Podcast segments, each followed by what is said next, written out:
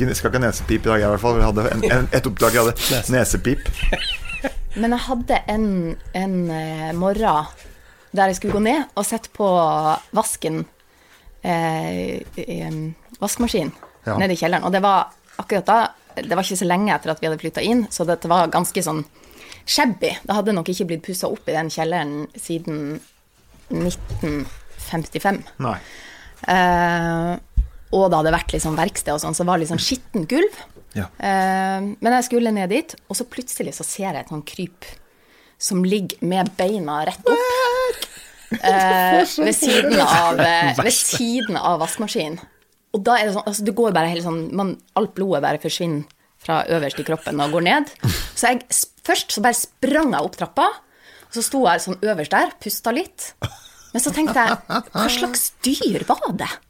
Så Som jeg- lå Var død, var det Ja. levde ikke? Nei, Eller, nei? det lå liksom helt stille, så tenkte jeg det kan jo ikke ligge der. Jeg må, jeg må jo gå ned.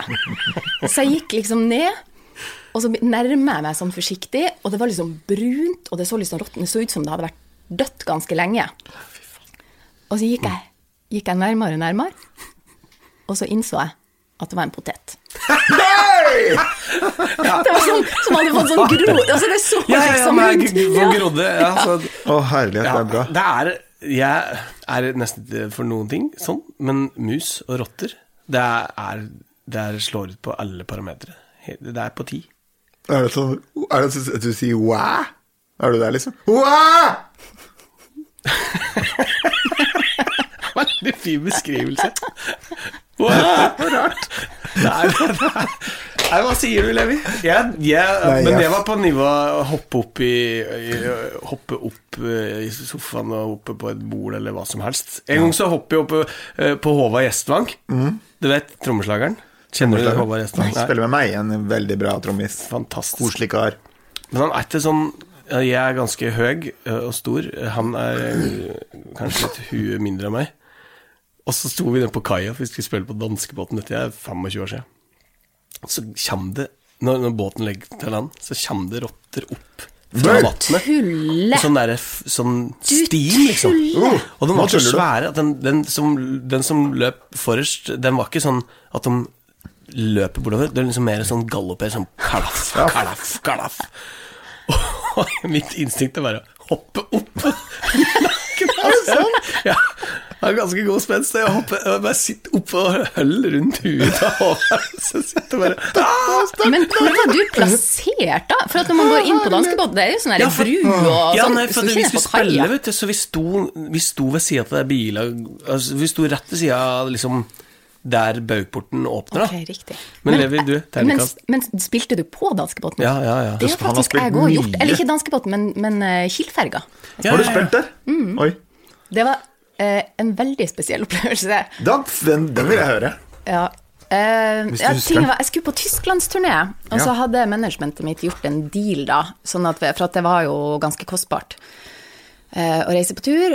Eh, så vi hadde klart å gjort en deal med Kielferga at vi fikk reise gratis tur-retur, med- imot at vi spilte. Ja. Men så var det altså en nordlending som jobba på denne Kielferga, eh, som hadde funnet ut at han skulle gjøre maks ut av det at jeg skulle spille der. så, eh, så når jeg kom inn i taxfree-en der, så var det liksom Det var plakater av meg, og så var det sånn signeringsbord. Signeringsbord. Yes. Eh, og så, så når vi liksom kom inn, så var- er det jo sånn annonsering hva som skal skje i løpet av dagen. Eh, Så var det en sånn stemme over høyttaleranlegget som sa liksom ja, og klokka seks så blir det signering med Maria Solheim i taxfree-butikken. Og eh, altså, sånne ting, jeg, jeg syns det er så flaut. Eller jeg syns det er liksom så vanskelig. Og så tenkte jeg, er liksom Er min målgruppe her? Jeg var veldig usikker på det. Det gikk mange Eh, tanker gjennom hodet ditt. Veldig mange. Så jeg, jeg, når klokka nærma seg sånn fem på seks, så hadde da reiste jeg mm, David Wallemrød var med på den turen, så jeg spurte om ikke han vær så snill kunne være med. For at, Ja. eh, sånn at jeg ikke ble stående alene der. Eh, Så jeg gikk liksom litt sånn krokbøyd, gjemte ansiktet mitt litt, og gikk liksom bak han, inn i taxfree-butikken. eh, Og stilte meg bak et sånt bord, masse plater selvfølgelig. Kjempemasse plater som sto der. Og så var det kanskje to stykk inne i butikken som gikk og lukta på parfyme. og da er det sånn Hvor lenge skal man stå der? Ja. Eh, ja, så jeg tror, ikke det, jeg tror ikke det var en eneste en som kjøpte plate. Nei. Men eh, ble en fin turné, da. Ja, det, det, Ja. det er godt å Har du spilt på båten, Levi? Noen ganger. Hvilken båt? Eh, noen, noen av de danske båtene. Stjerne? Ja, det tror jeg. Spilte med et band som heter Disco Dis, Disco Sting? Ja, Nei. med Kjetil Tefke. Ja, ja, ja. Husker at alle i bandet var helt blåe av sjøsjukhet, for det var mange vikarer og sånn. Han sto fjellstøtt, og det Ja. var november, og i vindkasta. I vindkasta, faktisk. og han sto der og dansa og entertaina, Ja, ja, ja. og helt sjef. Ja, ja. Kudos, Kjetil. Veldig bra. Jeg ble Ah, sånn skulle jeg gjerne vært. Ja. Eller sånn, ikke hele tida, kanskje, men jeg skulle gjerne hatt, hatt det. Ja. Hatt den evnen. Du har gjort det ekstremt mye. Du, vi var jo der to vintre, tror jeg. Men nå jeg sa jeg 25 år, så ljuger jeg litt. Jeg tror det var 2001 og 2002 eller noe sånt nå. Det blir 18-19 år, det.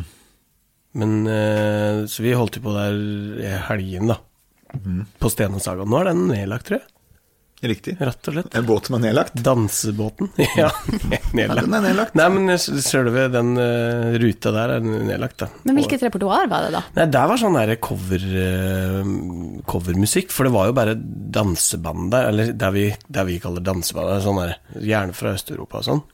Men så skulle de ha en nytt konsept, eh, der det skulle være litt mer sånn partyband på helgen. Så det var litt sånn som diskosting, eh, litt sånn som det sam, eller beslekta da, Ja, ja. med, med det du var der med. Men eh, ja, det var jo, men jeg lærte mye. Det var jo gøy. Det var jo litt var artig. moro. Ja. Men jeg hadde, der hadde jeg en åpenbaring, eh, faktisk. Fordi at eh, da reiste jo Levi rundt med kristen rock på den tida der. Amen. Eh, yes! Rett i modus. Amen. Og så, og så dro jeg da på danskebåten for å, for å uh, skaffe meg litt uh, penger i lommeboka. Uh, og vi, vi hadde jo mye kred, vi holdt jo på, vi ga ut plater med eget materiale bare, og det var liksom alt Vi der var mye rundt i verden og spilte, vi. Spilte veldig, veldig mye. Og så Og så vi, når vi var på båten her, vi, vi måtte jo overleve på en eller annen måte, så det gikk jo litt i vodka Red Bull, eh, og, og vi måtte jo Det var mye høststormer, ikke sant? Ja. Og det var, eh, det var Det var jo mye moro. Vi hadde jo fryktelig moro. Men det var liksom sånn Det var liksom overlevelsesmodus, egentlig, for det var jo ikke der man ville være. Og så er det et eller annet slags På en lørdagskveld eller en fredagskveld eh, Et slags uttrekkingslag på det Ja. dansegulvet. Eh, og så hadde jeg Dette var jo rett etter Hit Me Baby One More Time. Eh, og folk syntes jo det var liksom veldig komisk at et band spilte den låta der. Eh, og med mannlig vokalist var det ekstra morsomt at et band kunne spille den låta. Eh, og så var det da en fyr i det utviklingslaget som hadde en parykk. En hvit, svær, blond parykk. og så bare nappe den parykken av huet hans, setter på huet mitt og klatrer opp på en høyttaler og synger 'Hit med Baby One More Time'. Og så er det sånn Det var sånn Plutselig så Du får et sånn lite øyeblikk av åpenbaring, som, som du ser deg sjøl utenfra. Altså, hvordan skjedde dette? ja, så Oh, da fant du at da ble det ny retning. det var moro. Men du, Maria, takk for at du kom til oss her i dag. Du, Helt- Vi er ikke ferdig nå. Hyggelig. Nei, men du har egentlig vært innom Ha det mye. bra! liksom. Takk for nå. Vi har snakket om mus, og vi har snakket om danskebåten. Ja, det trenger vi mer. Ja, men det er jo viktige ting. Så jeg trekker tilbake det jeg sa amen, for at eh, jeg står helt og fullt for det vi gjorde, og vi hadde supermye gøy med Expect, Ja, ja. og det var jo Expect a Miracle var da vi møtte deg. Jeg, var, Ja. jeg var veldig starstruck når jeg møtte Maria Solheim for første gang. Hvordan liksom begynte mus musikkreisen for deg. Oi. Ja, nå har jeg Hvordan hørt det hele? Jeg har hørt på den podkasten med, med Solveig Ja. Ja. Uh, Leithaug, og uh, det er jo veldig fascinerende, syns jeg. Herlighet for ei dame. Jeg har Mm. jo alltid jeg, eh, mm, Mine søsken kjøpte jo kassetter, Mm. eh, og hadde sånn eh, abonnement på Master Music. Ja, Ja, ja, ja, ja, ja, ja. Mm, Så, eh, jeg beit meg merke i hennes stemme veldig, veldig tidlig, og følte litt sånn slektskap, tror jeg. Ja. Eh, Når jeg var Altså, hun slo jo gjennom i 1985. Da var Ja. jeg tre år. Eh, så, men sånn på begynnelsen av 90-tallet og sånn, så hørte jeg mye på henne. Men, men det som jeg skulle si, var at um, jeg kan kjenne meg litt igjen i den måten hun eh, snakker om hvordan hennes reise begynte, og at det skjedde liksom en del sånne rare ting, og at man fikk liksom sånne, ikke forutanelser, men at man hadde en eller annen sånn tanke eller en Hunch. en hunch, ja. Eh, altså, jeg begynte jo egentlig å skrive. Eh, så jeg skrev mye dikt. Og skrev enormt mye kjærlighetsbrev. Jeg var jo Ja. konstant forelska. Eh, fra eh, liksom hormonene begynte å svinge, så var det jo liksom veldig mye følelser.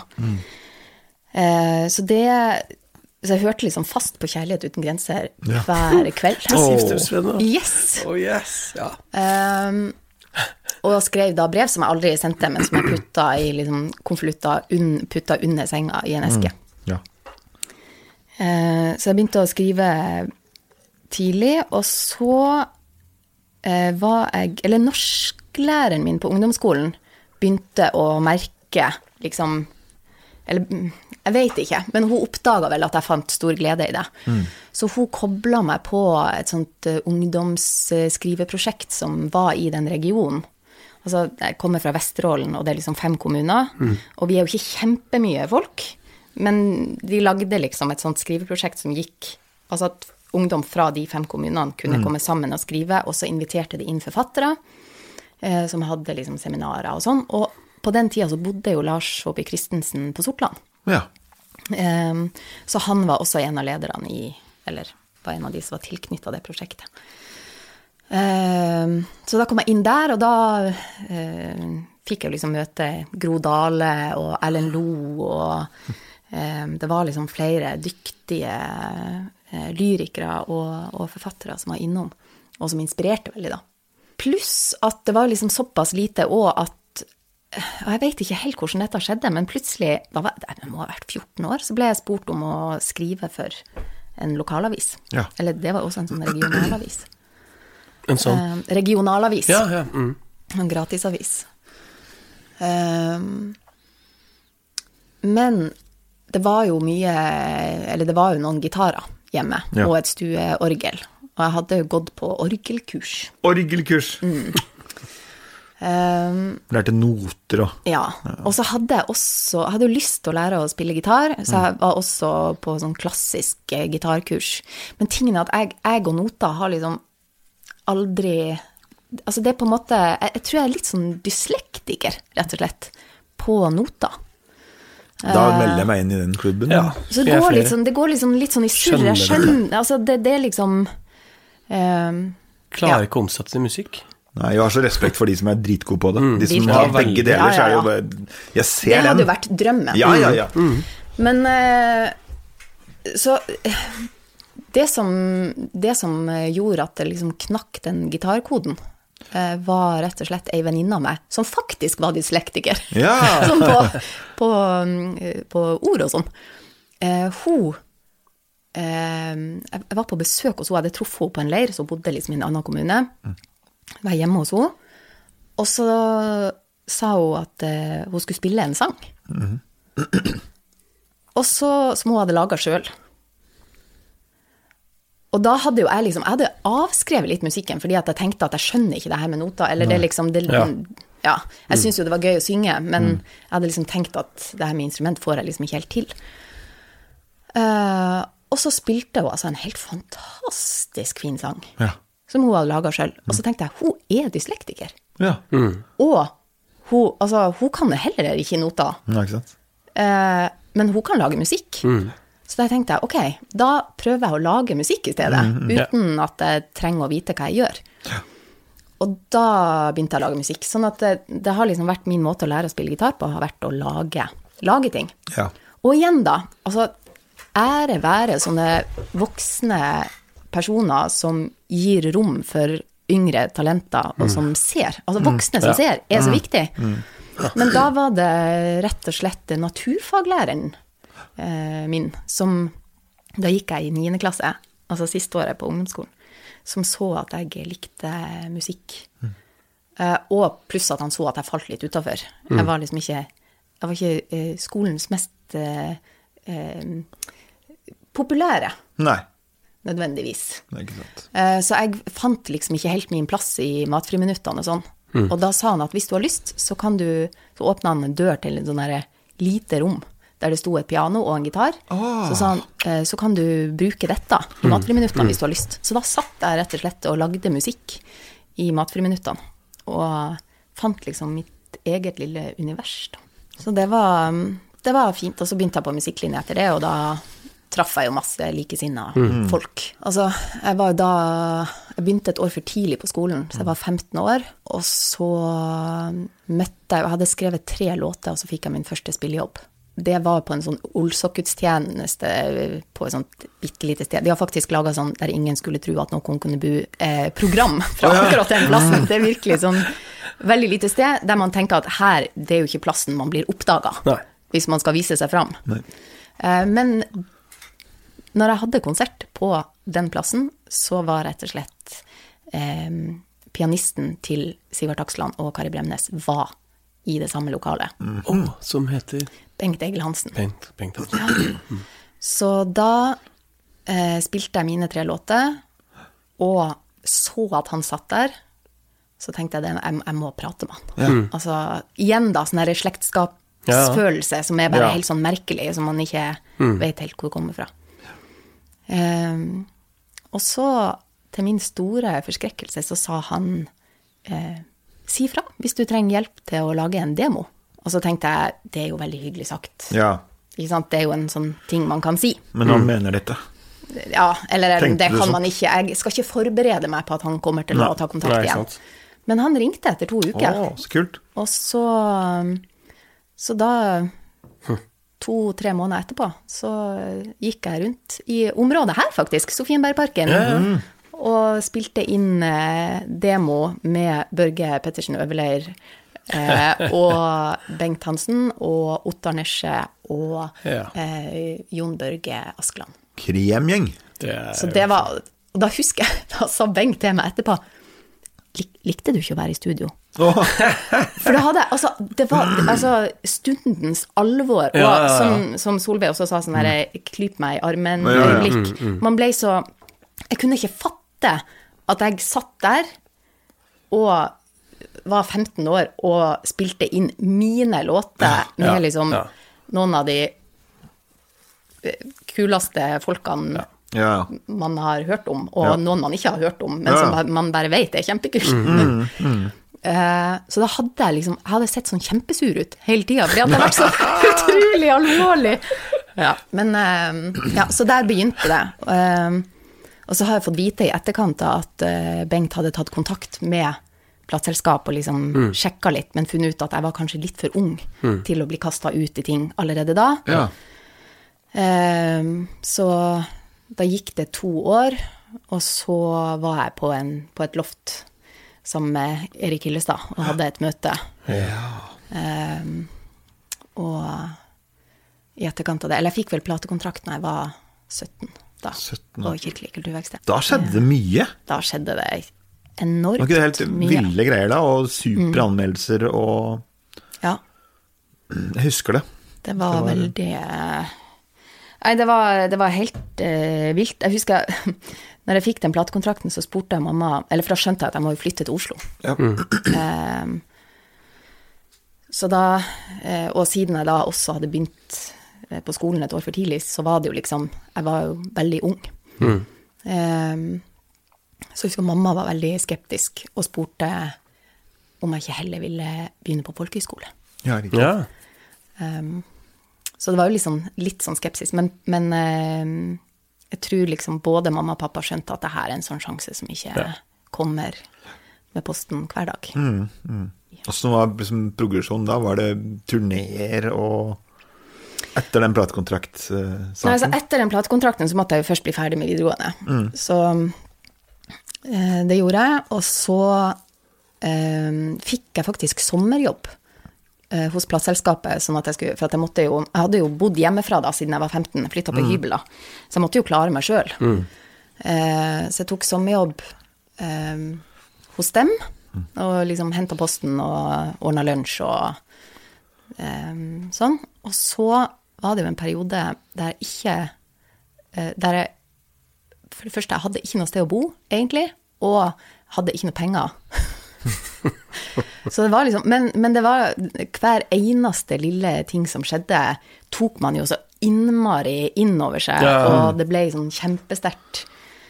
Og akkurat når jeg ga ut den første plata, da, da var jeg også sånn, hadde ikke noe sted å bo, så da bodde jeg Da var det noen kompiser av meg som var på ferie, så jeg kunne låne, låne eh, leiligheta deres. Og da husker jeg at jeg, de var ikke der når jeg kom dit, og så fant jeg ikke ut hvordan jeg skrudde på varmen. og så var det liksom Det var kjempekald februar. Sånn Iskaldt, masse minusgrader ute. Ja. Så jeg husker at jeg måtte åpne Jeg satt- på stekeovnen og åpna liksom luka der for å få varme inn i rommet. Lagde du sånn camp da, foran stekeovnen? Eh, Satt uh, nei, jeg tror jeg prøvde å være mest mulig ikke i, det, i den leiligheten. Ja. Så jeg var veldig mye liksom ute og fløy. Men jeg husker faktisk Jeg var på var en natt som jeg hadde vært på kino med ei venninne og bestemte meg for å overnatte hos henne. Eh, og så, etter at vi hadde lagt oss, klokka var kanskje sånn tolv-ett, så kom han på Shit, skrudde jeg av den stekeovnen før jeg dro hjemmefra? og så innså jeg at det, det gjorde jeg nok ikke. Oi. Så da måtte jeg liksom eh, finne meg en taxi. Og så Det her var på Hauketo, tror jeg. Oi. Eh, så jeg måtte liksom komme meg dit, låste meg inn. Tenk om jeg hadde brent ned hele stedet, for at den stekeovnen sto jo på. Jo, jeg sto på, ja. Det har jeg ikke, ja, det har jeg ikke tort å fortelle til de som jeg bodde hos. Nei. Nei, det, var, det var litt sånn eh, Måtte lære meg å overleve det der første året. Jeg tror jeg, jeg, tror jeg bodde liksom ni-ti forskjellige plasser det første året der. Før ting begynte å stabilisere seg litt. Og, da, og da var det jo sånn som du sa, da var det liksom turneer. Jeg husker en av de første store jobbene jeg hadde, da fikk jeg være oppvarming for Susann Vega på Rockefeller. Og da ble jeg kontakta av et ganske sånn stort eh, management eh, etterpå, som ville Fikk litt sånn inntrykk av at nå begynte det å komme ganske store aktører på banen. Og da hadde jeg akkurat begynt å jobbe med et promoselskap som eh, tok meg litt til sides, og som sa at um, um, vi skal passe på deg. Vi kan være managementet ditt hvis du vil. Uh, men jeg tror nok, og jeg tror at de gjorde veldig rett i det, men jeg vet ikke om jeg hadde vært klar for en sånn type kjempekommersialisering av det som jeg holdt på med. Og jeg ønska jo Det jeg ville først og fremst, var jo å spre håp og glede. Jeg tenkte jo at Altså, jeg følte jo ikke at jeg var verdens beste sanger. Eh, Det var liksom formidlinga som jeg mm. syns var liksom det viktigste. Å prate med folk og eh, Så det her å bli popstjerne, det var, liksom, det var ikke det som var drømmen min, sånn egentlig. Um, men jeg har liksom tenkt på det at det var, det var noen ting jeg takka nei til der i begynnelsen, Ja, og at livet mitt kanskje hadde sett litt annerledes ut. Uh, men det er jo sånne valg man, man må ta, og jeg er veldig glad for det. eh, at det ble sånn som det ble. Um, men det har jo også gjort at jeg har nok alltid vært litt mer i den derre indie-båsen, eller sånn på grensa til pop. Eh, mer enn at jeg har vært sånn Jeg liker jo veldig godt den at du har hatt en sånn skikkelig tydelig retning i det musikalske. Det var jeg sånn godmisunnelig på, fordi jeg, jeg har vært sånn som elska litt fra Det gjør sikkert du òg, men jeg elsker veldig mye fra alle sjangere, på en måte. Og så lager man en salig miks av det. Det, med, det står jeg veldig for nå. nå gjør jeg, det blir jo min verden, på en måte. Men du har vel som hatt så tydelig retning, har jeg sterkt inntrykk av. Det er ikke sikkert du har tenkt det sjøl. Eh, Jo, det har, det har jeg nok vært litt bevisst på. Eh, Det var det jeg trodde. det har, men det har også vært litt med, med mm, hvem man velger å jobbe med. Fordi at jeg er jo ikke Jeg er jo ikke noe instrumentalist. Jeg er jo ikke noe gitarist, egentlig. Det er jo fremdeles sånn at jeg kan spille det som jeg lager. Ja. eh, sliter med å liksom gjøre coverting. Sånn at jeg har vært avhengig av å omgi meg med musikere som er mye, mye bedre enn meg. Og da har jeg jo valgt etter estetikk, altså min musikkestetikk. Og det har vært veldig spennende. Så da har jeg fått jobba med, med mange musikere som, som jeg er stor fan av. Ja. Ja, Og som da også da har, har farga min musikk med, med den de er. Og det tenker jeg er jo viktig. Ja. Du sa i stad at du, du takket nei til en masse tilbud fordi du ikke var klar. Ja, eller Eller ville du Eller, vil, eller Ja, så ting, altså et, et eh, lite eksempel. Jeg, jeg fikk jo en mail fra USA. fra, eh, og da husker jeg at jeg var, jeg var alltid så Jeg var, jeg var litt sånn naturlig skeptisk til folk med veldig store ord. Ja! Eh, og så eh, var det altså Nå husker ikke jeg helt hva han heter. Men det var en eller annen fyr da som hadde fått tak i min mailadresse, og som sa det hadde vært gøy hvis du kom over til USA. Eh, ta kontakt. Vel, veldig sånn kortfatta. Eh, og i stedet for å tenke 'shit, USA', Ja, det ja. hadde vært kult, så tenkte jeg hvordan har han fått tak i e-postadressen min? så jeg gjorde Ja, ja. Åh, så jeg skrev det tilbake.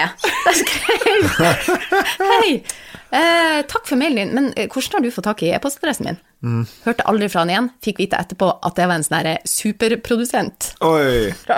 Så det var ikke alt jeg takka nei til, sånn, eh, ut, eh, sånn helt med at jeg visste det. Men det var en del, Oi. også en del eh, ting man gikk litt sånn glipp av, fordi at man, man var litt sånn eh, Laid back. Eller- Ja, litt sånn eh, Jeg vet ikke, jeg Jeg er litt skeptiker, da. ja, men jeg, jeg følte også veldig sterkt den her hunchen på hva, hva føles riktig. Eh, og var vel Altså, jeg er jo pastordatter og har vokst opp eh, i, i et type miljø òg der det var liksom hva føles rett, og hva Ja, og, hadde veldig sånn følelsen på at det som åpner seg, det åpner seg, og det som lukker seg, det lukker seg, og Ja. at, at, um, at man hvilte veldig i det. Og det gjorde jeg nok. Eh, og det var jo kjempemye rart som skjedde også. Ja. Men det gikk jo veldig bra.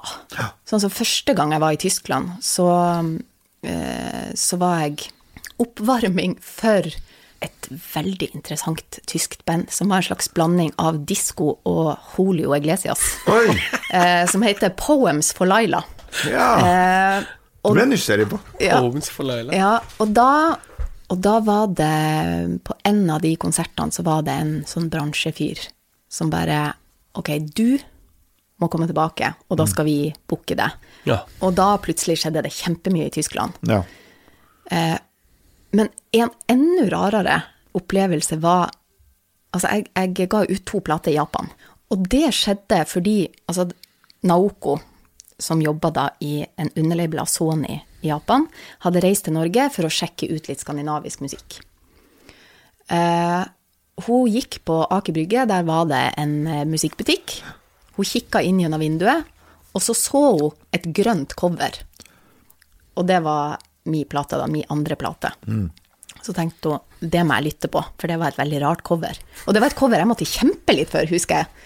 Eh, Fordi at jeg, jeg så ikke så veldig pen ut. Jeg hadde litt sånn rød nese og litt, så litt sånn molefonken ut. Men jeg syns at det var veldig kult, da. Men da, på grunn av at hun gikk inn og hørte på den låta som hun Eller på, så det grønne coveret, så fikk jeg da reise over til Japan. Og sånne type, sånne småting syns jeg var veldig fint, og jeg fikk en sånn veldig sånn riktig følelse i magen på at det var dette Ja, jeg skulle gjøre. Og selv om det ikke var liksom store folkemengder eller sånt, så var det liksom Alt føltes riktig. Det er så bra. Har du hatt det liksom du, Det var merker jeg blir et ledende spørsmål. Du har sikkert ikke hatt i det hele tatt det derre kjendisgenet. Nei, det tror jeg nok ikke jeg, jeg har. Eller jeg har lyst til å bli det, nå har jeg lyst til å bli kjempekjent. Nå har jeg lyst til å fylle Oslo Spektrum.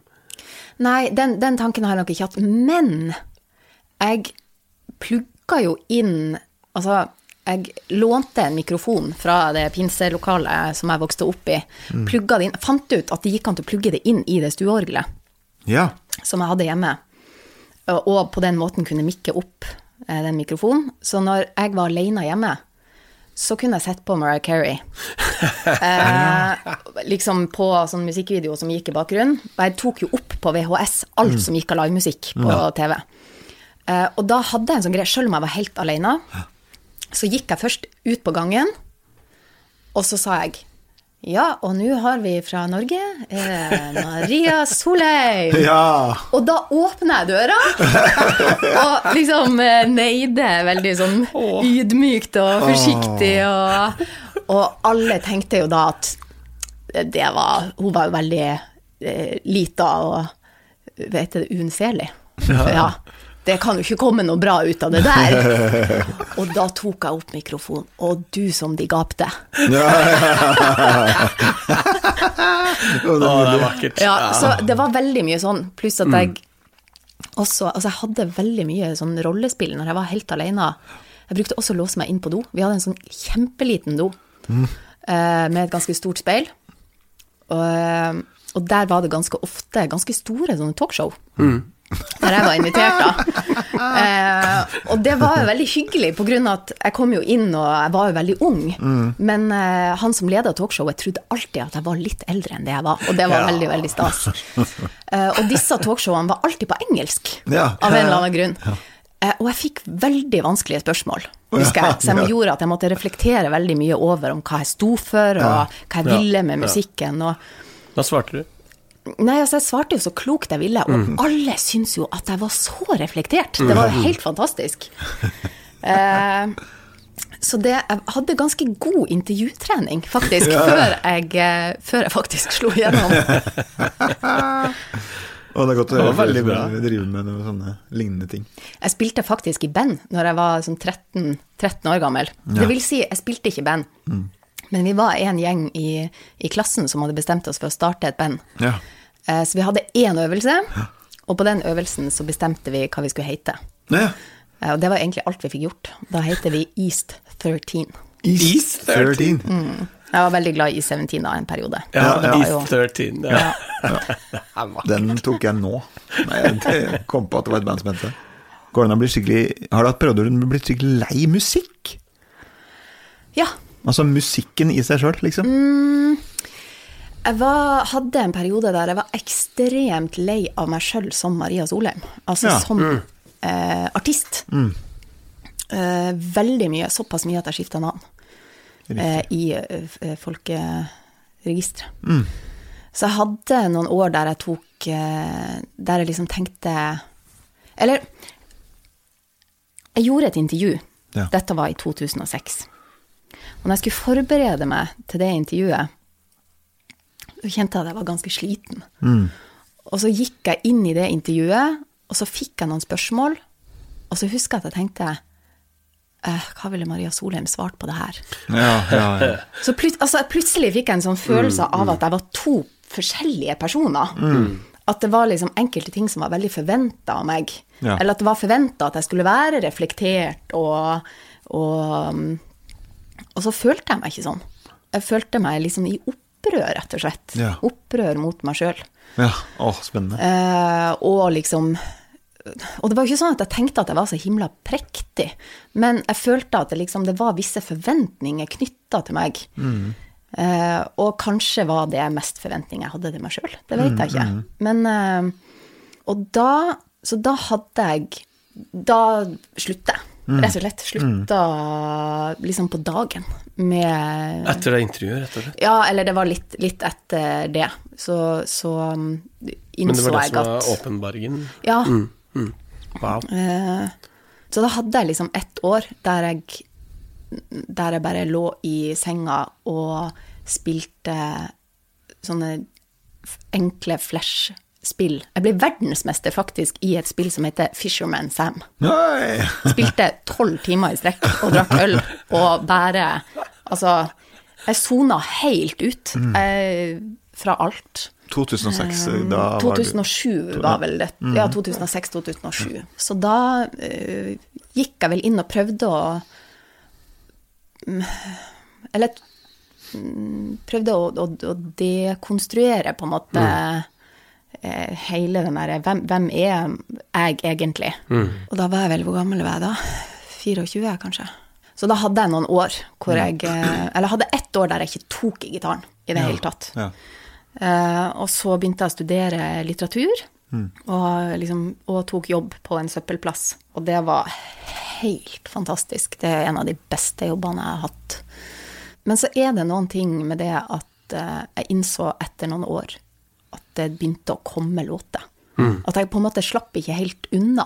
Og når det hadde kommet sånn sju-åtte låter, så begynte jeg vel å innse at det, det kanskje var på tide å gå i studio igjen. Og så fikk jeg noen forespørsler òg i den perioden som var litt sånn småtesting for meg. Ja. Jeg ble spurt av Kirkens Bymisjon om jeg ville prøve å lage en låt til De hadde en sånn juleaksjon. Å Lage en låt på norsk, og det hadde jeg jo ikke gjort før. Så jeg tok en av eh, de engelske låtene jeg hadde lagt, laga, og så oversatte jeg den til norsk. Ja. Eh, og så ble det en duett da med Hans Erik Dyvik Husby. Nei, kult. Eh, og tenkte ok, nå bare tester jeg, nå ser jeg hva som skjer. Nå har jeg jo egentlig sagt at jeg skal slutte med musikk, men jeg bare sjekker hva som skjer. Og da fikk jeg rett og slett min første førsteplass på VG-lista. Ja, ikke sant. Og det var så utrolig rart. Og Hvilket år er vi da? Ja, når var dette? Kan det ha vært Det må ha vært 2009, for da var eh, Selma nyfødt. Og da fikk jeg jo igjen en sånn følelse av at ja, men det er jo kanskje dette jeg skal holde på med. Ja, ja. Eh, men så tok det ennå noen år da, før jeg kom meg sånn ordentlig i studio, og, og siden 2012 så har jeg jo da liksom begynt å turnere litt smått igjen, og, men eh, jeg fikk jo noen barn òg oppi det her. Men etter tredje, mitt tredje barn, så skjedde det et eller annet oppi hodet. Det var nesten med en gang hun var født, så var det som at det bare eksploderte. Og da bare fossa det ut låter. Eh, så fra 2015 så kjente jeg at nå nå vil jeg prøve å gjøre det her. Sånn. Det er det mye jeg er veldig nysgjerrig på. Ehm, først og fremst eh, det derre du snakka om dekonstruere Den prosessen der, den er jeg veldig nysgjerrig på. Og så er jeg også nysgjerrig på når du sier du bare fosser ut låter, hvordan det foregår. Ja den, den, den, den ble jeg litt nysgjerrig på, for det går så sakte Hvordan, mellom hver gang. hvordan foregår det? Eller hvordan foregikk begge de, begge de tingene der? er- Ble, det, Jeg kan starte med det, det Altså, fosse i mitt tilfelle, Ja. det er snakk om at det blir til én låt hver andre eller tredje måned. Ja, Ja. Men det syns men det er er ikke verst, da. Men hva det... gjør det- Altså, går det liksom uh, Nei, men jeg fant, fant gleden. Altså, det, det var at, at det begynte å boble Altså, jeg var i um, Det var egentlig Igjen, da. Jeg har vært litt sånn Jeg har trengt folk som tror på meg, Ja. rett og slett. Uh, fordi at jeg må innrømme at jeg har ikke nok tru i meg sjøl til å holde på med det som jeg gjør. Jeg må ha noen som kommer bort til meg og sier at du er flink, du er bra, Ja. den låta var fin. Jeg trenger sånne folk. Så når du fortalte tidligere at du hadde gått bort til en gitarist i dag og sagt at eh, det er så bra det du gjør Det er altså opp- så bra at du I- gjør mm, sånne ting, og det tror jeg vi trenger alle sammen. At, eh, at vi er litt flinkere til å gi hverandre kompliment. Jeg er helt avhengig, rett og slett, av den bekreftelsen. Det er litt sånn flaut å si det, jeg skulle ønske at jeg kunne liksom være litt tryggere på meg sjøl, men det er Men hva veier tyngst, da den førsteplassen på VG-lista? Eller eh, hvis Levi hadde sagt eh, 'jammen er du god'?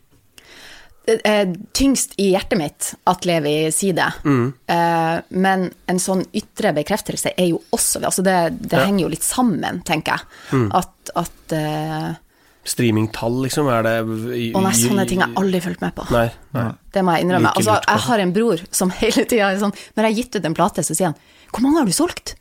Ja, ikke sant? ja. ja. jeg har, vet Nei. aldri det. Uh, og det er jo ikke fordi Altså, det er jo viktig for meg at ting går rundt. Jeg er Mm, jo liksom forsørger, og altså, jeg trenger jo, trenger jo å få økonomien til å gå rundt. Mm. Uh, men men uh, jeg, har aldri målt Nei. Um, Det er ikke, bekreft, det er ikke bekreftelse i seg sjøl at mange At det, de store massene vil høre på. Nei, det må være det at noen kommer bort og sier Noen- det, det låta. betydde noen ting for ja, meg. Ja, ikke sant. Mm. Uh, og det som skjedde, var at det er en gitarist som bor i Drammen, som ga meg, eller som sa at det er så fint det du gjør, eller uh, du har så fine låter. så når jeg kjente at det begynte å skje ting, så tok jeg kontakt med han og sa jeg, du, skal vi prøve å lage litt Kanskje vi skal prøve å lage en låt til Grand Prix? Eller, ja. Og at det ble, det ble litt sånn lek igjen, da. Mm, ja, ikke sant. Ehm, så da da eh, begynte det å komme litt låter igjen. da. Når du sier komme låter, altså satte du deg ned med gitaren da, eller bare Oi, nå har jeg en idé enn det med skrivende. Jeg, jeg kan jo ikke skrive ting ned. Uh, Nei, men altså så jeg tar ja, eller rekorde det, eller det Jeg sier det fordi at det er litt sånn det oppleves. Mm. Enten at jeg tar fram gitaren, og så begynner jeg å synge på tullengelsk. Og da kan det være at det på en måte kommer en melodi. Ja. Eh, det, det er jo kjempe... Men jeg tenker jo ikke. Altså, det er jo liksom det underbevisste som, Ja. som kommer ut. Og det er veldig ofte så er det sånn at jeg vet først hva låta handler om, etter jeg er ferdig med å skrive den. Ja. Da ser jeg hva det, hva det liksom handler om, da. Ehm, men det er også sånn, av en eller annen grunn, når jeg kjører bil, ja. da Ja. kan det komme liksom melodier og setninger. Og så, så den første, det første sporet på den siste plata mi, Heart Heart, den kom etter at jeg hadde, jeg hadde gjort en kjøpesenterjobb eh, sammen med Silje Syrnes Vinje. Vi hadde gjort sånn barnekonsert på et kjøpesenter. Jeg hadde sprunget rundt i tigerdrakt. eh, kanskje litt Det var ikke helt sånn Britney Spears oppå en høyttaler, men det var litt sånn Det var veldig stille i bilen etterpå, etter at jeg hadde sprunget rundt og vært tiger. Eh, og da var jeg sånn Ok, hvor er hjertet mitt? Hvor er inspirasjonen min? Hvor, hva, hvorfor Og da følte jeg liksom Jeg følte at jeg var liksom i dvale. Eh, og da var det en sånn leiting oppi hodet mitt mens jeg kjørte hjemover. Og da kom egentlig Altså, da kom første verset og Ja, melodilinja på den låta, og så skrev jeg andre verset når jeg kom hjem. Men den, den eh, kom veldig raskt, da.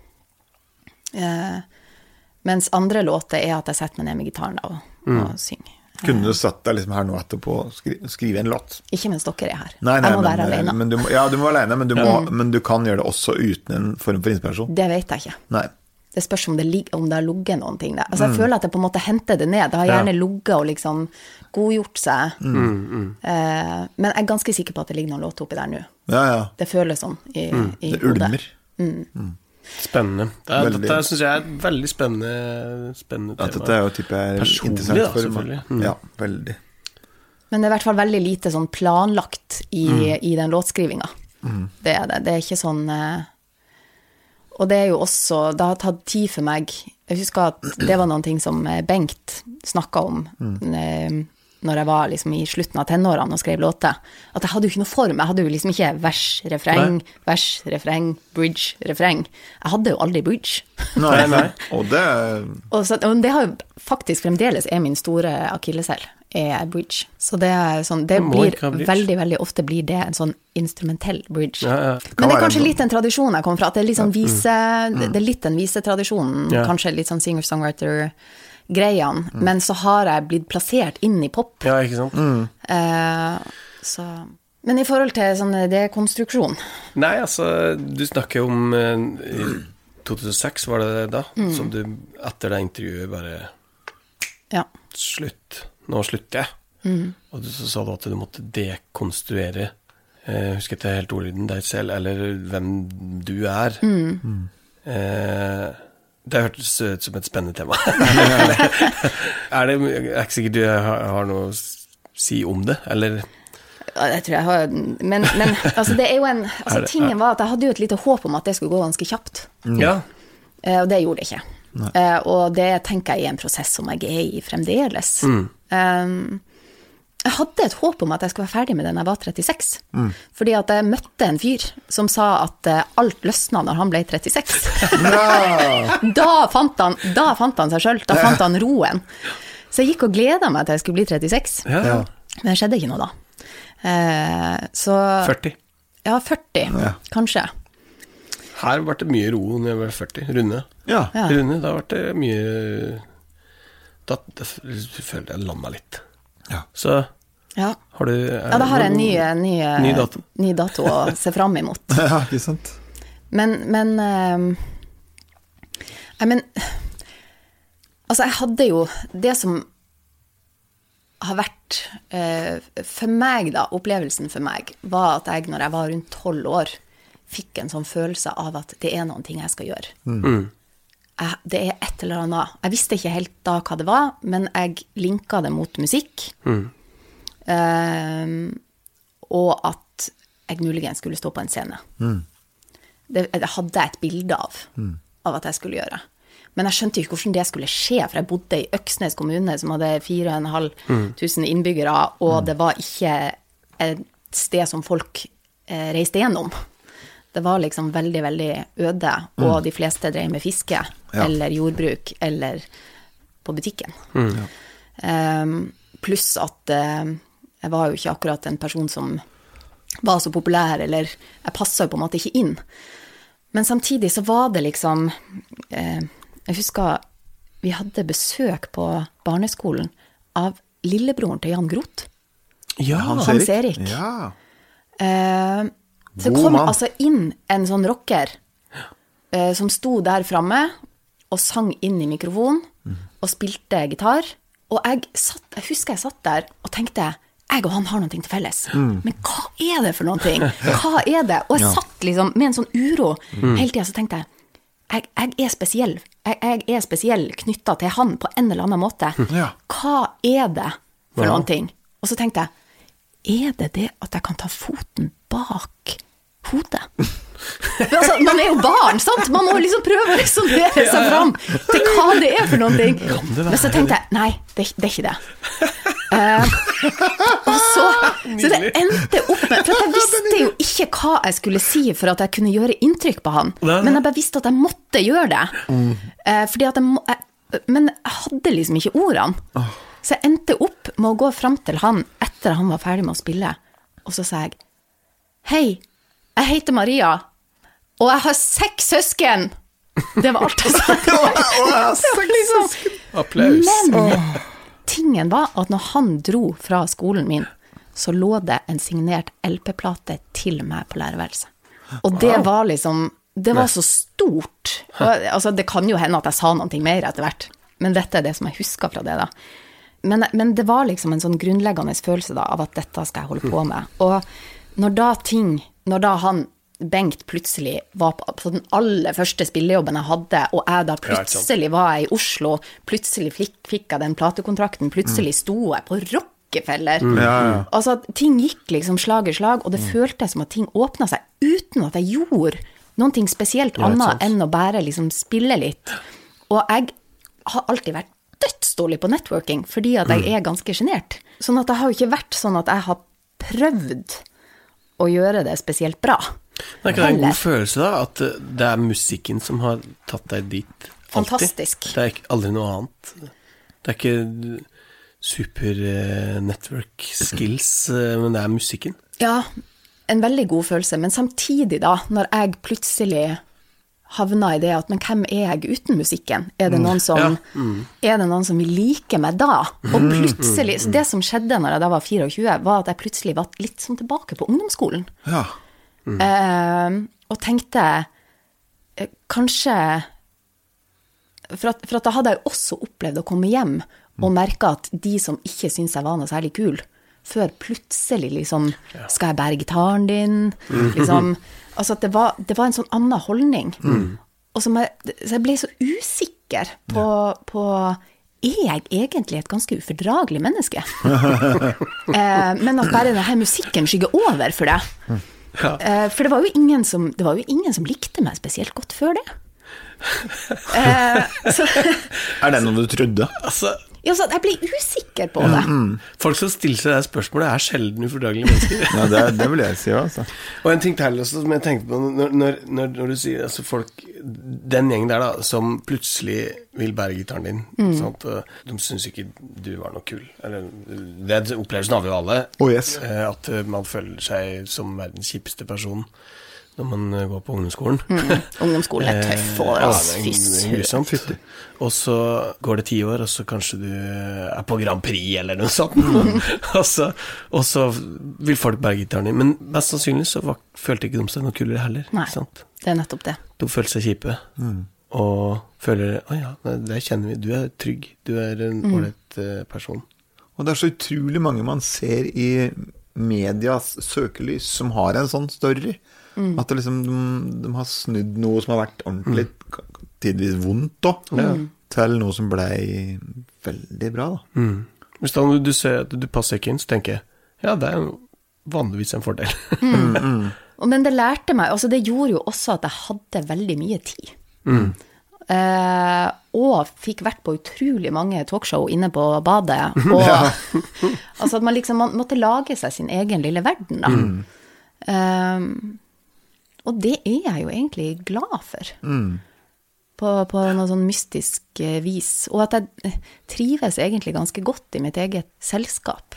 Jeg må bare passe meg for at jeg ikke trekker meg for langt unna. For at jeg kan havne i den båsen også. At jeg, eh, at jeg kan være litt Holde meg litt unna folk. Og det har jeg skjønt at det er ikke så sunt, det heller. Nei. Men du, det er noe du sa en gang som jeg husker, og det er jeg litt nysgjerrig på. Du sa at du kanskje um, var vel opphengt i at man skulle um, Du må justere det jeg sier, da.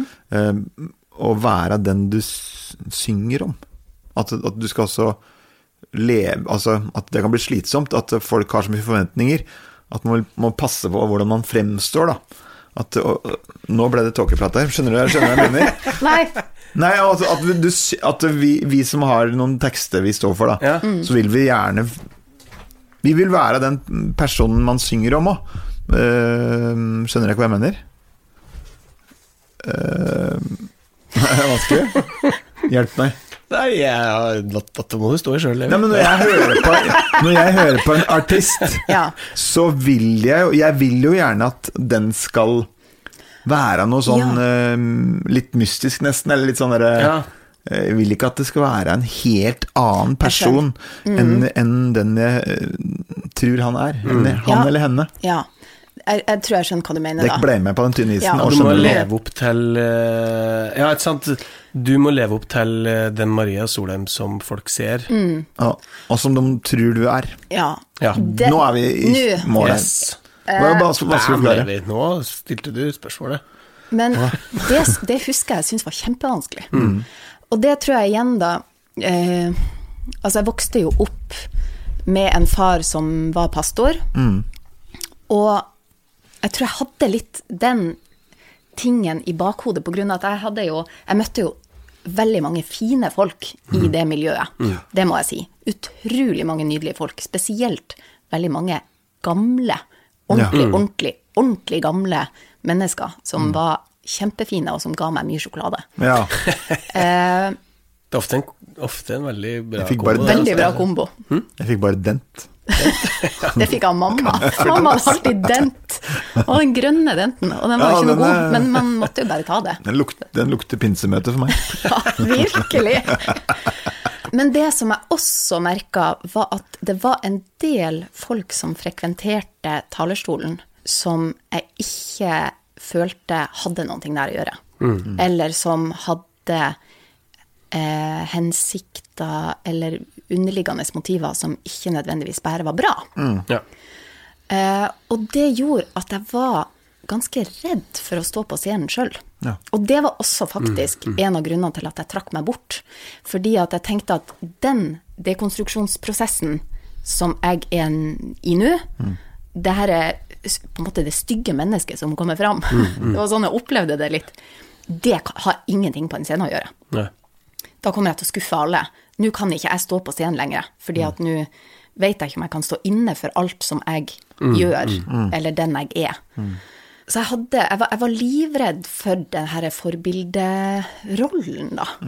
Og jeg husker òg at jeg, jeg syntes at det var veldig skummelt å skulle møte mine egne musikalske forbilder. For jeg var så Ja. redd for at de skulle være kjipe. Ja. Eh, For da ville det ødelegge musikken for meg. Og da tenkte jeg sjøl at jeg, jeg, jeg var redd for at Altså, det var jo folk som sa at de liksom ble berørt, og, og kanskje spesielt når det begynner å gå liksom mot kristendommen og, og sånn, så er man Hvis noen har fått en stor opplevelse eller føler at de har hatt et møte med Gud eller noe sånt, og så møter de meg, og så sitter jeg i senga og drikker øl og spiller dataspill og er verdensmester i Fisherman's Sam, det er liksom ikke verdens beste forbilde å ha. Um, så jeg var litt sånn Jeg var litt sånn Ja, jeg var, jeg var redd for å være synlig, Ja. rett og slett. Men da jeg møtte, på av alle ting, i 2012, så var jeg med på Firestjerners middag. Det var det, vet du. Og da var jeg der sammen med Helene Rask. Og jeg husker at jeg var litt sånn spent, eh, fordi at det er liksom en, en Den bransjen som hun kom fra eh, tidligere, eh, og det med liksom der, som er veldig utseendefokusert, og der folk lever av sitt utseende, da. Jeg må innrømme at jeg hadde en del fordommer før jeg møtte henne. Og så viste hun seg å være det nydeligste mennesket jeg hadde møtt på år og dag. Og det ble så sterkt. Og vi ble sittende og prate på en togtur opp til hytta til Dag Ingebrigtsen. Eh, så ble vi sittende og prate, og da fortalte jeg henne det at jeg hadde vært så redd for å, å gå tilbake til musikken, fordi at jeg var så redd for å ha den der rollen som et forbilde, og at jeg var redd for at folk skulle bli skuffa av meg. Og da sa hun, men, men tror du ikke det at folk syns det er fint å kunne være med på en sånn type reise? At, at eh, folk ser deg for den du er? Så det styrka meg veldig, tror jeg. Eller at det, og, og også det med tanke på den reisa hun hadde gjort, som virkelig var en sånn det, hva er det, er 180 eller 360 grader man snur? 360, da er du Da er tilbake der du starter. Ja, 180, da. Ja, var ikke kjempebra i matematikk. Så jeg er jo ikke ferdig med mine prosesser eh, på noen måte.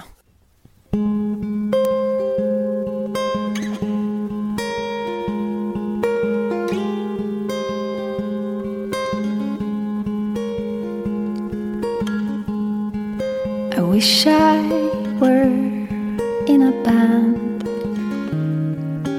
playing my songs, and then they would understand how they were wrong, and I would smile and I would sing and would not care about a thing. I wish I were in a band.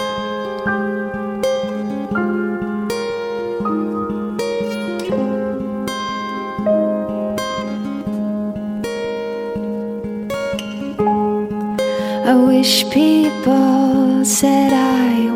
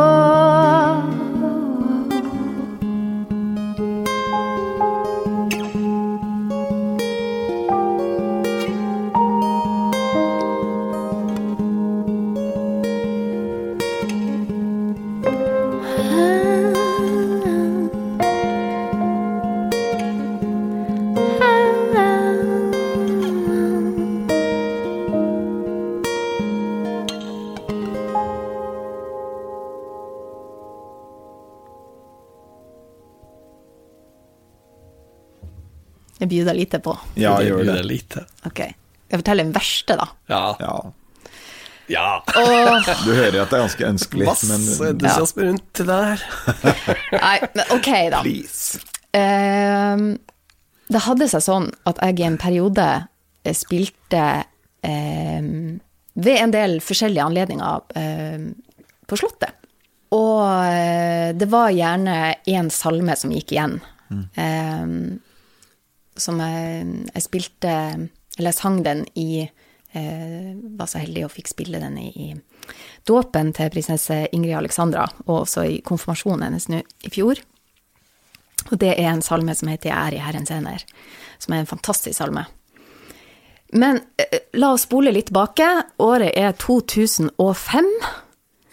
Eh, jeg husker ikke nå helt hvilken anledning det var. Jeg lurer på om det var noe sånn femårsjubileum eller sånn bryllupsdag eller noe sånt. Og at eh, det skulle være en markering i Slottskapellet. Eh, og jeg hadde blitt invitert til å synge en salme. Og så eh, Denne gangen så, sa, så var liksom bestillinga at du, du kan velge en annen salme denne gangen. Eh, du kan velge helt sjøl hvilken salme du vil, du vil synge. Og så tenkte jeg ok, jeg vil jo velge en salme som er liksom, litt sånn som jeg er i Herrens hender, som gir litt sånn trøst, som forteller om liksom trygghet, og er liksom en sånn god, god, trygg salme. Hadde med meg David Wallumrød på eh, tangenter, og valgte da å, at jeg skulle synge 'Bre dina vida vingar'. Eh, I tillegg til at eh, jeg skulle spille 'Lady My Life', som er en sånn låt som jeg skrev for en stund siden. Jeg tenkte jeg skal ikke drite meg ut, så jeg skal ha med teksten, sånn at jeg ikke glemmer den. For at jeg har ikke gjort Bredina vida vingar' Nei. før. Og så tenkte jeg at det er et sånn typisk tilfelle der man fort kan glemme seg litt bort. Da. Så jeg kom til Slottskapellet litt før eh, denne gudstjenesten skulle starte. Hadde en lydprøve, sang gjennom, det gikk veldig, veldig fint. Hadde pugga, pugga, pugga, pugga, pugga tekst. Så satte vi oss ned. Gudstjenesten starta. Var litt forskjellige bidragsytere. Var en ganske liten forsamling. Så er det min tur. Så jeg eh, stiller meg der framme, og så legger David en akkord. Så ser jeg ned på tekstarket mitt, og så tenker jeg Åh, hvordan var den melodien igjen? Og tingen er det at David har jo lagt bare en akkord, så jeg har jo ingen hint. Eh, men så tenker jeg, veit du hva? Å, guri malla, jeg, jeg, Ja. helt kald inni inne. jeg, jeg tenker liksom. Dette kan jeg jo. Nå er det bare hjernen min som spiller meg et puss. Nå bare begynner jeg å synge. Fordi at jeg vet jo hvordan melodien til Bredina Vida Vingar er. Det er så vondt. Så jeg begynner. Bredina vida vingar, o Jesus over meg. Og så tenker jeg, er, er det noe litt rart her? Og låt meg stilla hvila i ved og vel hos deg. Shit, shit, shit, shit, shit, shit, shit, Og så tenker jeg, ok, dette er jo ikke riktig melodi. Jeg Det er null på Jeg i Herrens hender. Det er melodien til Jari er en Herrens Og den har jeg jo sunget der så mange ganger før, så det er jo ikke så veldig rart at det var den som lå liksom nærest til hånds, eller til munns. Eh, se litt bort på? David. Det var nettopp det jeg òg tenkte. Går dette opp? Blir du mitt alltid alla, min visdom og mitt råd. Nå er det bare én setning igjen. Nå blir det spennende å se om det blir veldig mange stavelser helt til slutt. Og låt meg alla dager få leva blått av nåd. Amen! Og jeg var altså så Altså, det er jo Man- det David hang så- på, da. David hang på, og jeg ser at, at liksom Han er litt sånn vill i blikket. Og det er jo da et slags mellomspill da, mellom oh, første og andre vers. Å, fy fader. Og jeg hører inni det, det som jeg tenker da, er at han driver og leter litt etter den faktiske melodien i det her mellomspillet. Og vi, Han finner jo ikke, og det er ikke så Altså, Nei. vi klarer ikke det. Vi må fortsette på den melodien. Så andre verset også, da. Gjennomføre hele eh, Bredina Vida Vingar på I er i Herrens hende-melodien inne i Slottskapellet. Jeg setter meg ned etterpå, og man er bare helt sånn skjelven og helt eh, hva, Altså sånn følelse av hva skjedde nå? Og så lener David seg over mot meg, og så sier han skal vi ta Lady My Life opp på den melodien, eller? Det er en fin kommentar. Men da Og jeg bare tenkte Svett, svett, svett, altså. Hva tenker Altså, de som bestilte eh, en ny låt Tenkte de liksom eh, Tenkte de at Jeg tenkte Hun kan den, hun. Den, den kan, den kan Jeg vet jo at dere liker den veldig, veldig godt, så bare tar det på den melodien. Åh, Oh, nei, det er eh, Jeg sier, men det er klam inni hendene. Men det gikk.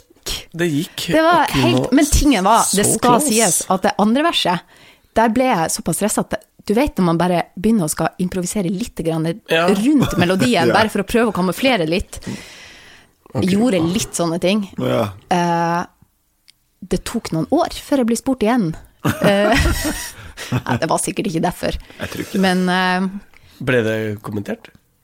ble ikke kommentert Jo, eller at tingen var etterpå, så gikk jeg bort, eh, for det var en, en representant der fra plateselskapet mitt. Jeg gikk bort til han, og så sa jeg Du, Ole Edvard, hørte du at det var noe litt rart eh, når jeg sang?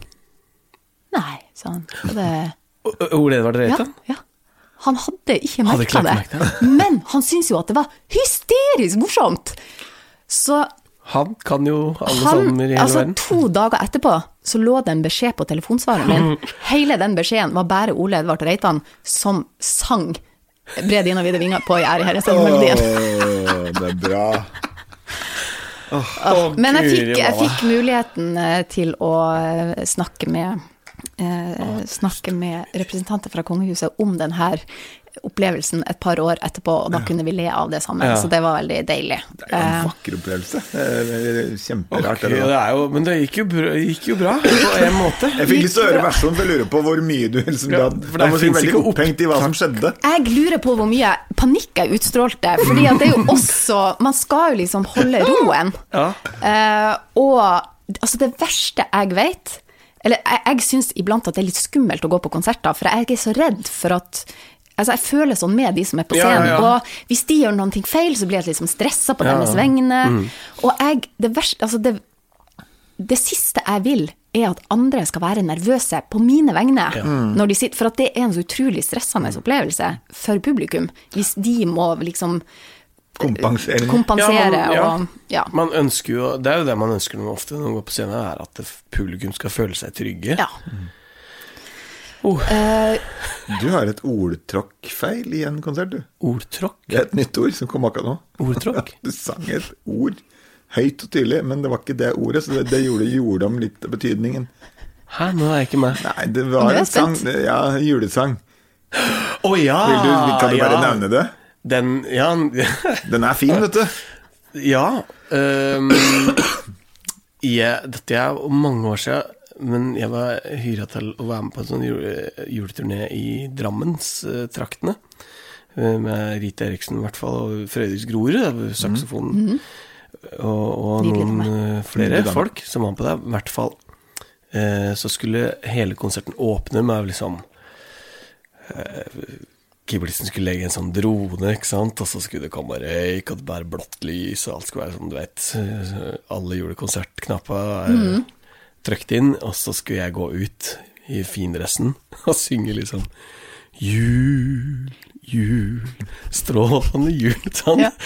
Og så kommer vi litt glans over hvite bå- nei, skoger, og så Og så er det glimmende bågar. Men så hører jeg at jeg synger 'Glimmende bøgor' i alla Guds hus.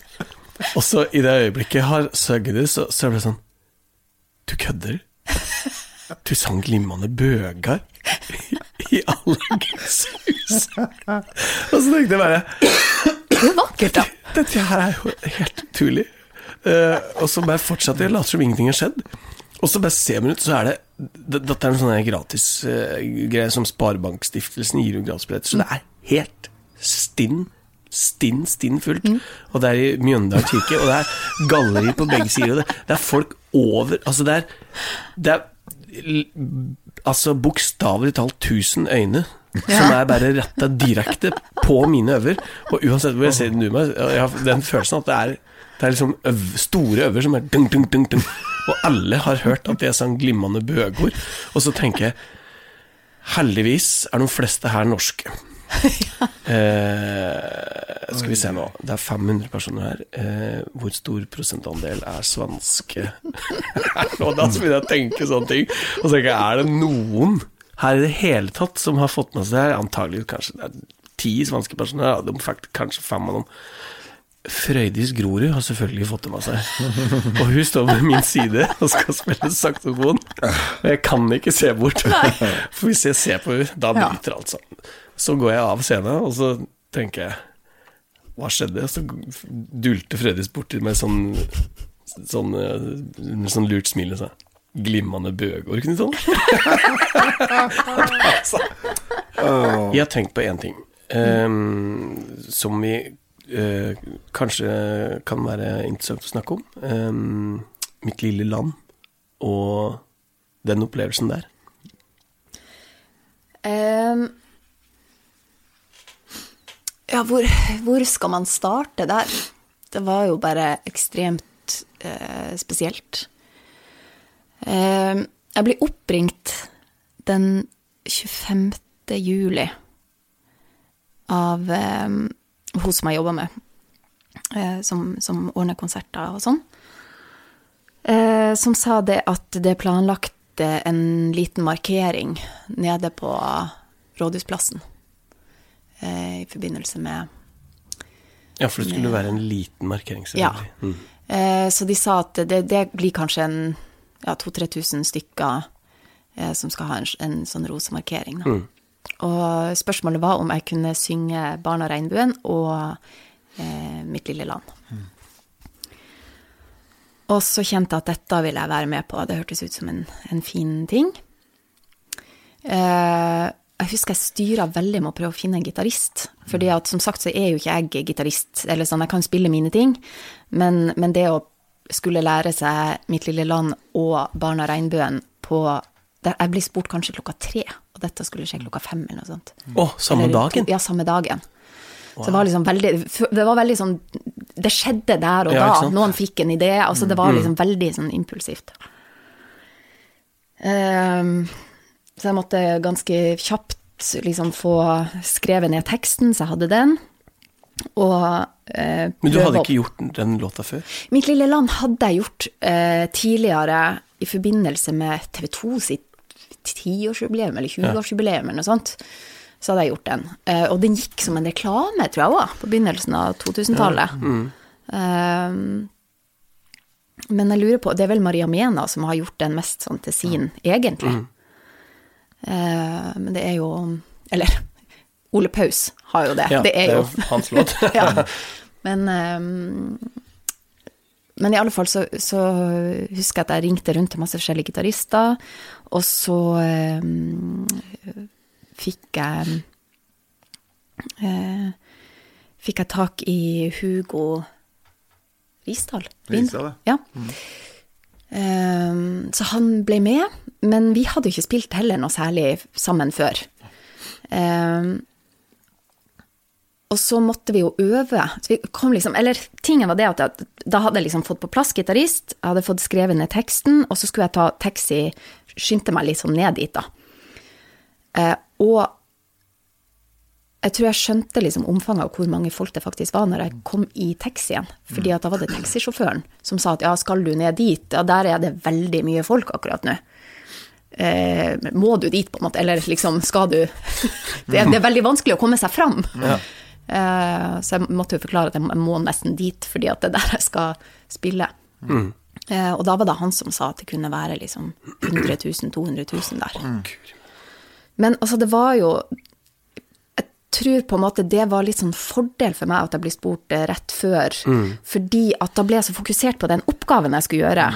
Eh, For vanligvis så tenker jeg at altså, det var hele den situasjonen eh, og den tragedien og alle de skjebnene og all den sorgen var jo så enorm. Så jeg tror at hvis jeg hadde begynt å ta den innover meg og skulle, For det gjør veldig ofte så vil man jo som musiker prøve å sette seg inn i hvor publikum er, prøve å bemøte. Men i en sånn situasjon, hvis man begynner å løsne på det, eller begynner å åpne seg opp, så klarer man ikke å gjennomføre. Eh, Så ting gikk liksom veldig, veldig slag i slag, og jeg og Hugo måtte øve. Så jeg husker at vi gikk inn i en sånn tom trailertilhenger som sto bak scenen der, og prøvde å øve gjennom låten. Eh, og så registrerte jeg liksom Oi, for her er jo både Eller da så man jo liksom at det var både representanter fra kongehuset og fra regjeringa. Eh, og det var folk overalt. Eh, men vi gikk liksom rett ifra taxien inn i den tilhengeren, øve litt, rett opp på scenen. Og så er det liksom et sånt folkehav som jeg aldri har sett før. Og det er så sterkt. Eh, og selv om man får den følelsen av sjokk og sorg, så er det altså så uendelig vakkert.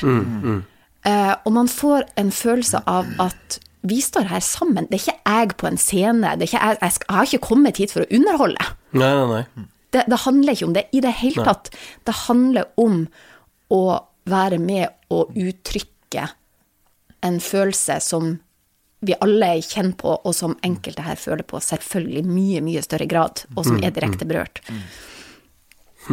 Og jeg tenkte jeg får prøve å fokusere på enkeltfolk i, i publikum, sånn at jeg ikke mister det. Ja, sånn, ja. Mm.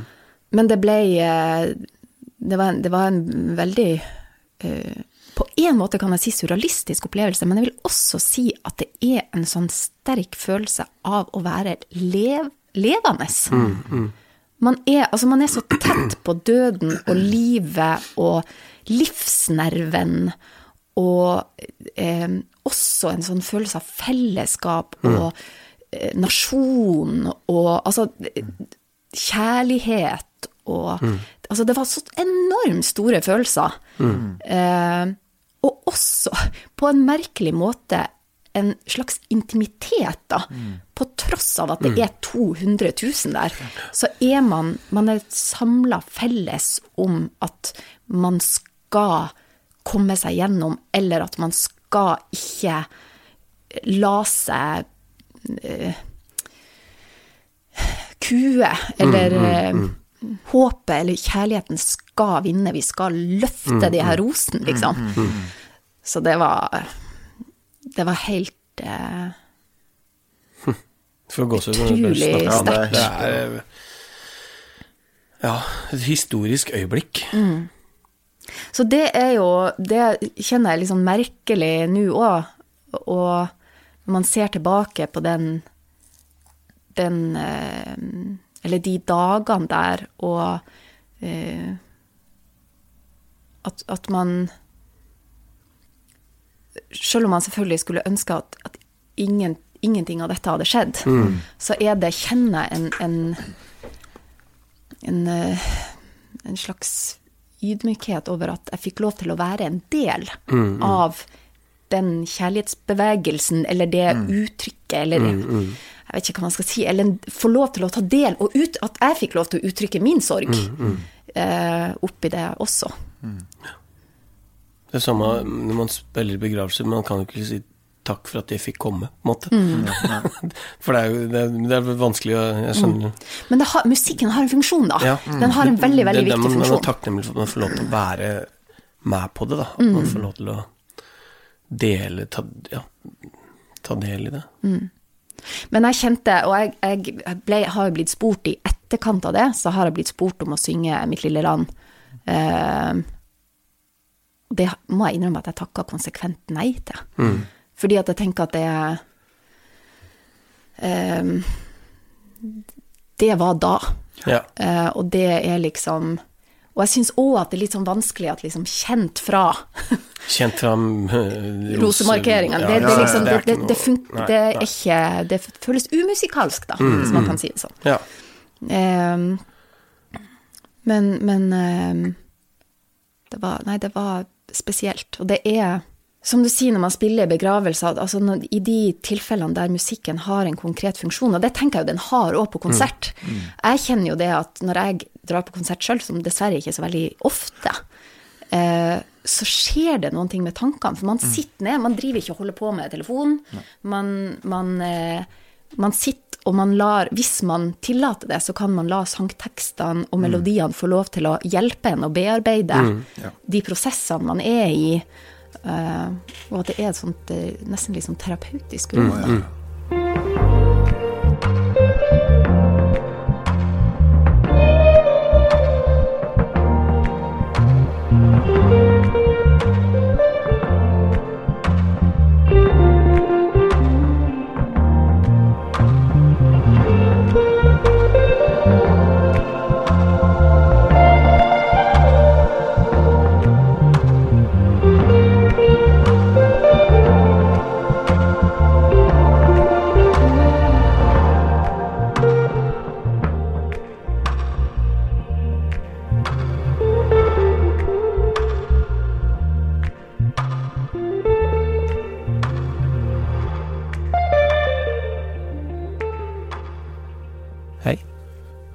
Er jo en ting ikke, som vi ikke liker så innmari.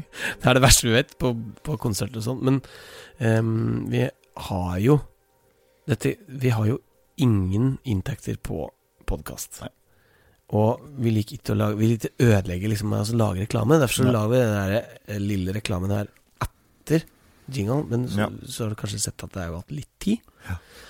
Um, og det er fordi vi har jo et Vipps-nummer Ja.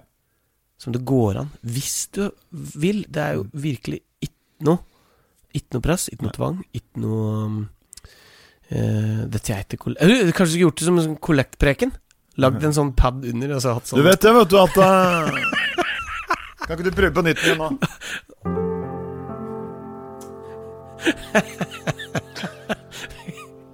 Vi kan ikke ha sånn vekkelse som heter eh, Men det må jo være det her. Jo, jo, jo, men det blir, veldig rart.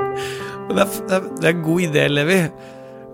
Veldig fin idé, men Men um, Er dette meg på ordentlig nå? dette er veldig meg på ordentlig. men poenget, da, er i hvert fall at hvis de vil Hvis du vil. Hvis du vil vippse Så Dette sier vi ikke for å male en stemning. Og jeg forandrer ikke på, på, på tonefallet Nei, mitt du gjør ikke det, Levi. Hvis du vil vippse, så har vi et Vipps-nummer. Og det er Ok, jeg må ha på meg briller her. for å se. 60 79 16 60 79 16 60 79 16 Og da kommer altså alt flyt opp. For vi har jo ikke sponsorer. Nei, vi har ikke sponsorer. Det er sponsorer. Sponsorer. Ja.